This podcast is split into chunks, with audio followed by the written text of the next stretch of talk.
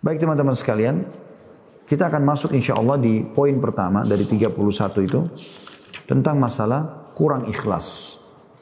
Penulis mengangkat di halaman 8-nya di sebab lemah iman yang pertama adalah kurang ikhlas, Allah SWT berfirman dalam surah Bayyinah ayat 5. Karena Anda belum pegang bukunya mungkin Anda bisa uh, apa namanya membuka Al-Qur'an surah Bayyinah ayat 5. A'udzu billahi minasyaitonir rajim wa ma umiru illa liya'budullaha mukhlishina lahud din hunafa. Padahal mereka tidak disuruh kecuali supaya menyembah Allah dengan memurnikan ketaatan kepadanya dalam menjalankan agama yang lurus. Jadi di sini ada uh, potongan ayat memurnikan ketaatan kepadanya kepada Allah maksudnya, berarti ikhlas. Juga dalam surah Al-Hajj ayat 37 dari yang kedua Allah berfirman, A'udzu billahi minasyaitonir rajim, la yanalallaha la yanalallaha luhumuha wala minkum. Daging-daging unta dan darah-darah yang kalian sembeli itu untuk kurban sekali-kali tidak dapat mencapai keridhaan Allah, akan tetapi ketakwaan dari kamulah yang dapat mencapainya. Allah bukan Allah tidak butuh dagingnya, tidak butuh darahnya, yang butuh kamu tahu ini sebuah perintah atau enggak. Ibnu Abbas radhiyallahu anhu berkata, artinya adalah bahwa yang yang dapat sampai kepada Allah adalah niat dari orang yang melakukan hal itu. Dan nilai suatu perbuatan amat tergantung pada niat. Barang siapa yang baik niatnya, maka perbuatannya itu akan menjadi baik. Dan ia pasti teguh. Terhindar dari kelemahan dan terhindar dari fitnah dalam beragama. Dan ia akan terhindar dari kesesatan dan penyimpangan. Sebagaimana Allah berfirman dalam surah Al-Hijr ayat 40. Surah Al-Hijr ayat 40. A'udzu billahi minasyaitonir rajim illa ibadallah illa ibadaka minhumul mukhlasin. Iblis berkata, ya, saya akan sesatkan mereka semua anak Adam ini kecuali hamba-hambamu yang ikhlas di antara mereka. Baik teman-teman sekalian. Kita akan coba beda dulu sebelum lanjutkan paragrafnya. Amal itu yang anda kerjakan, mau sholat, mau puasa, mau haji, mau umroh, mau sedekah, bakti sama orang tua, jenguk orang sakit, dikir, berdoa dan segala macam. Hanya akan diterima kalau memenuhi dua syarat. Mutlak. Yang pertama, ikhlas. Kata Nabi SAW dalam hadis riwayat Abu Dawud dengan sanad sahih, Inna Allah layak balu amalan illa makana khalisan liwajhi. Allah tidak akan pernah menerima amalan kecuali yang ikhlas karenanya. Kecuali yang ikhlas karenanya, gitu kan. Jadi memang ikhlas ini harus.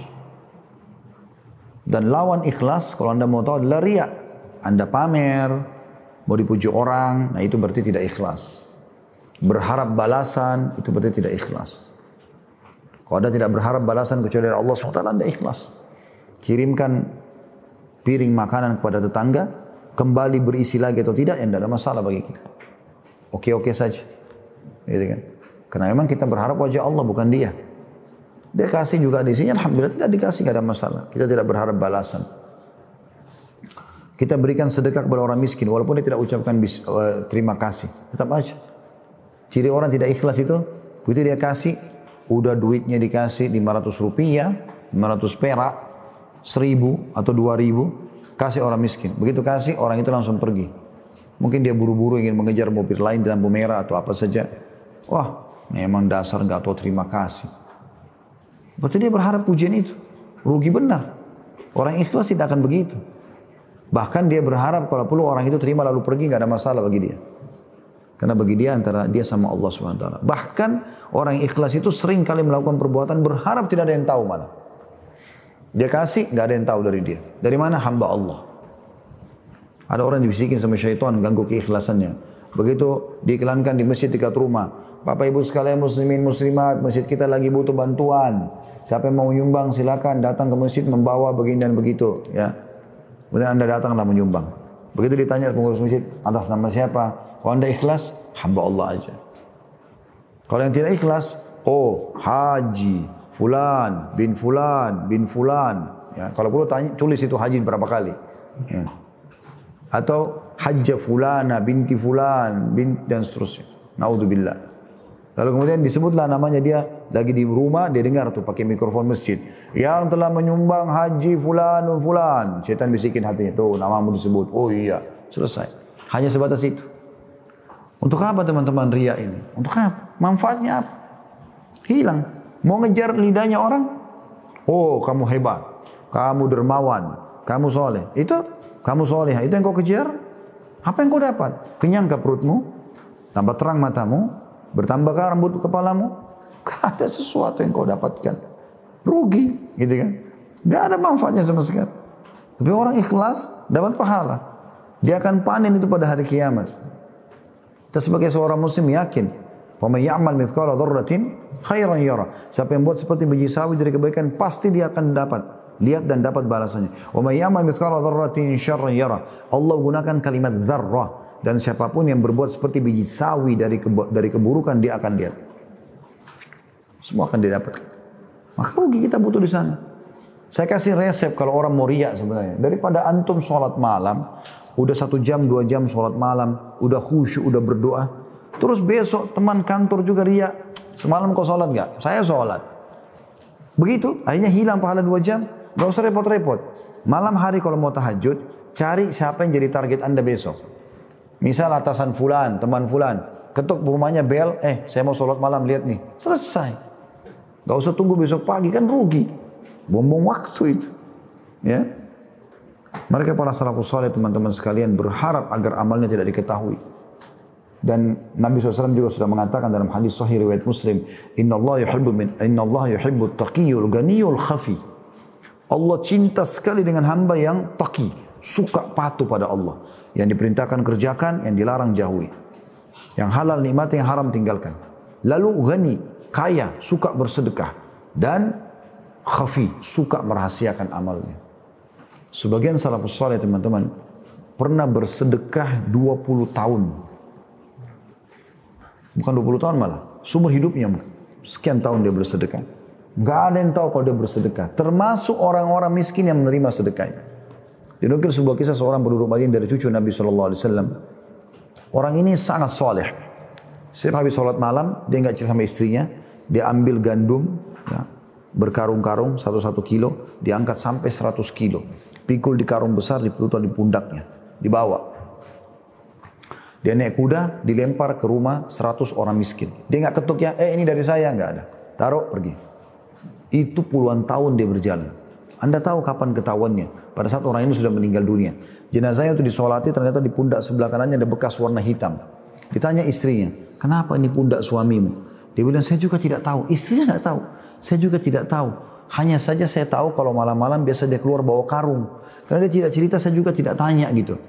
Lalu kemudian pada saat itu ada orang-orang tersebar lebih di Madinah ternyata ada orang-orang miskin yang biasa terima kantong-kantong gandum sekarang sudah tidak lagi semenjak orang itu meninggal. Baru ketahuan kalau dia lakukan. Puluhan tahun seorang di antara mereka teman-teman berpuasa sunnah Senin Kamis 20 tahun lebih istrinya nggak tahu. Kok bisa? Bukan dia tidak bisa cerita sama istrinya, bukan dia tidak bisa aja. Tapi rupanya sebelum menikah, ini ijtihad dari dia ya. Sebelum dia menikah, dia nggak pernah sama sekali dia, dia selalu puasa Senin Kamis. Begitu dia nikah dia tidak cerita sama istrinya kalau saya puasa Senin Kamis. Istrinya seperti layak semua istri nyiapin makan istri suaminya. Kalau Senin sama Kamis dia nggak bilang, eh nggak usah saya lagi puasa, enggak. Dia diam saja, dia bawa, suruh bungkusin. Istrinya pikir dia makan, dia kebetulan punya toko di di satu tempat gitu ya. Di kota Irak pada saat itu di salah satu kota di Irak dia pergi, kemudian dia buka kalau dia lagi makan siang dia panggil orang miskin dikasih makanan itu. Dia pulang ke rumahnya setelah maghrib. 20 tahun dia buka puasa, baru dia pulang ke rumahnya makan. Istrinya pikir dia nggak puasa. Untuk jaga keikhlasan. Seseorang di antara mereka teman-teman sekalian pada saat dia tidur malam hari, dia tidurin istrinya. Sampai tidur kemudian dia bangun sholat malam. Sampai istrinya tidak tahu bertahun-tahun begitu. Satu malam istrinya terkaget, lalu lihat suaminya sholat dibiarkan sama dia. Besok dilihat sama lagi, terus begitu. Dan selalu kalau pagi-pagi matanya suaminya sampai memerah, kurang tidur. Lalu dia dia tegur satu malam suaminya pas turun, bos mau sholat malam, lalu kemudian dia mengatakan, wahai suamiku, kesihanilah dirimu. Aku perhatikan kau setiap malam begini. Entah sudah berapa lama kau nggak istirahat. Lalu kata suaminya, tidurlah wahai istriku kalau kau mau tidur. Sesungguhnya apa yang saya lakukan kebaikan buat saya dan kebaikan buat kamu juga. Maksudnya kalau saya masuk surga nanti kau juga dapat sama. Mereka menjaga amal itu. Jaga. Ada seseorang salafus saleh pernah sholat malam di hutan, diikuti oleh seseorang. Dan ketahuan dia sholat malam gitu kan. Maka temannya ini kebetulan, ya, yang ikuti dia, yang tahu dia sholat malam, diam-diam dia selalu dengar ayat yang dibaca, doa yang dibaca gitu. Pas sudah menjelang subuh, dia terdengar ada semak belukar. Maka orang yang sedang sholat ini kaget lalu dia mengatakan semoga Allah merahmatimu keluarlah kau mata-matai saya. Maka temannya mengatakan iya. Saya mau tahu karena selama ini saya dengar cerita kalau kau kalau, kalau kau tidak pernah tinggalkan sholat malam maka saya mau cari tahu. Apa kata orang yang ketahuan amal solehnya ini? Dia bilang apa? Di tengah hutan berdua sama temannya. Dia mengatakan, saya mohon kepadamu. Tolong rahasiakan apa yang kau lihat. Dia mohon supaya jangan dicerita. Kalau kita subhanallah sekarang terbalik. Berharap orang ekspos. Nggak akan sedekah kecuali ada kamera. Sebentar, sebentar. Dan shooting dulu kamera. Berdoa di depan Ka'bah subhanallah harus Ka'bah kelihatan sebentar sebentar ya supaya ditahu berdoa depan Ka'bah. Ada berapa kali saya tahu orang begitu foto. Kenapa akhi dan ukhti? Apa yang mau didapat? Ini lidahnya manusia. Oh, kamu hebat. Terus apa? Gemukkah kamu? Gak ada manfaatnya gitu. Harus hati-hati. Karena sayang, amal kita akan dibangkitkan hari kiamat dan kita hanya diterima ya dari amal kita adalah yang penuh dengan keikhlasan. Oleh karena itu disebutkan kata penulis diriwayatkan dari Umar bin Khattab radhiyallahu anhu bahwasanya Rasulullah SAW bersabda, "Inna malamalu bin niyati wa inna malikulli imri'in ma nawa." Sesungguhnya pekerjaan-pekerjaan itu tergantung pada niat-niatnya dan sesungguhnya setiap orang akan mendapatkan ganjaran perbuatan sesuai dengan yang dia niatkan. Hadis riwayat Bukhari Muslim.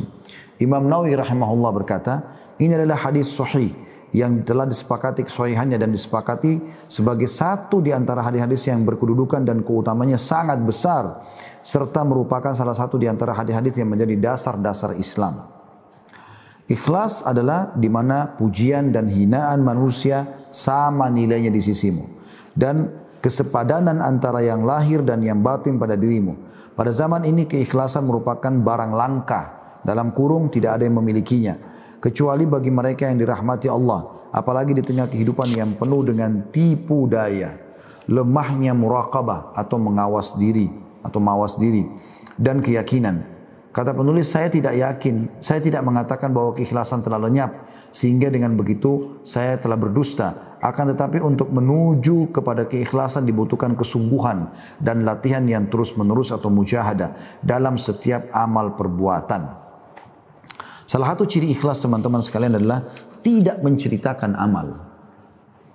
Kalau dia ditanya, baru dia jawab. Kalau ada orang tidak ditanya cerita, berarti sudah jelas ria. Terutama paham salah ibadah gitu kan. Kau puasa enggak? Kau puasa? Saya puasa. Enggak ada yang nanya. Siapa yang nanya kamu? Halo, gitu kan. Kan enggak boleh.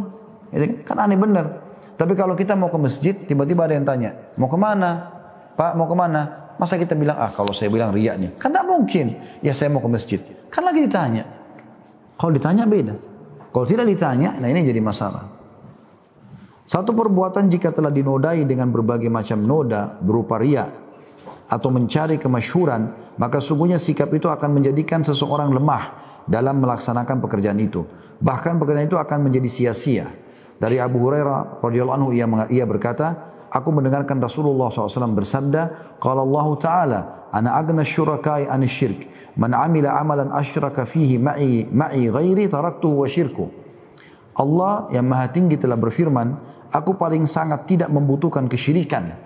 Partner, Allah nggak butuh itu. Ya, jadi ikut sertakan Allah sholat untuk Allah tapi juga untuk dipuji sama orang. Allah nggak butuh itu. Maka barang siapa yang telah melakukan suatu perbuatan yang dalamnya perbuatan itu yang mempersekutukanku dengan selain aku kata Allah, maka aku akan meninggalkannya dan perbuatan syiriknya itu. Hadis sahih riwayat Muslim. Terkadang seseorang telah beriltizam atau bersikap konsisten hingga ia termasuk dalam golongan orang-orang yang konsisten. Akan tapi tujuannya bukan untuk konsisten itu sendiri dan tidak pula bertujuan untuk mendapat ridho Allah, melainkan ia memiliki maksud-maksud lain yang dengan cepat akan menghancurkan sikap konsistennya itu. Karena itu tidak mengharapkan karena ia tidak mengharapkan Allah dan juga kehidupan akhir. Abu Al-Qasim Al-Qusairi rahimahullah berkata, ikhlas itu adalah memusatkan niat dalam melaksanakan ketaatan hanya kepada Allah yang maha suci semata, yaitu melakukan ketaatan dengan maksud hanya untuk takarrub atau mendekatkan diri kepada Allah. Tidak ada maksud lain, seperti untuk mendapat perhatian, pujian manusia, atau tujuan-tujuan lain yang bukan untuk mendekatkan diri atau takarrub kepada Allah. Sahal bin Abdullah At-Tasatturi rahimahullah berkata, Ketika orang-orang bijak menafsirkan ikhlas, maka mereka tidak mendapatkan selain pengertian bahwa hendaknya bergerak atau berdiamnya seseorang dalam situasi terlihat ataupun tersembunyi adalah hanya karena Allah semata. Tidak dinodai oleh hawa nafsu ataupun dorongan duniawi. Terakhir paragrafnya teman-teman sekalian, maka barang siapa yang mendambakan keselamatan di dunia dan di akhirat, maka hendaknya ia bersikap ikhlas dan terus-menerus mengawasi niatnya karena hanya dengan sikap itulah suatu perbuatan memiliki nilai ibadah. Pekerjaan sedikit atau kecil yang disertai keikhlasan itu lebih baik daripada pekerjaan banyak yang hampa tanpa keikhlasan. Saya akan tutup teman-teman sekalian dengan kisah Zubaidah rahimahullah. Anda mungkin tidak tahu siapa Zubaidah. Ya. Itu bukan orang Indonesia. Tapi dia adalah salah satu ratu Islam. Zubaidah. Namanya dia Amatullah. Ya. Dia adalah istri Harun al-Rashid. Salah satu khalifah di zaman Abbasiyah. Yang terkenal dengan kekuatannya, keberaniannya dan segala macam. Teman-teman sekalian, Zubaidah ini terkenal sudah cantik, saking cantiknya sampai dipanggil Zubaidah. Zubaidah dari bahasa Zubda. Zubda itu artinya e, mentega, lembut, warnanya bagus gitu-gitu ya. Orang juga pakainya mudah dan seterusnya. Jadi dia menggabungkan antara kecantikan, kedudukannya sebagai ratu, dan rajinnya beribadah terutama sedekah. Tidak pernah teman-teman ada satu titik kesempatan sedekah, kecuali beliau sedekah.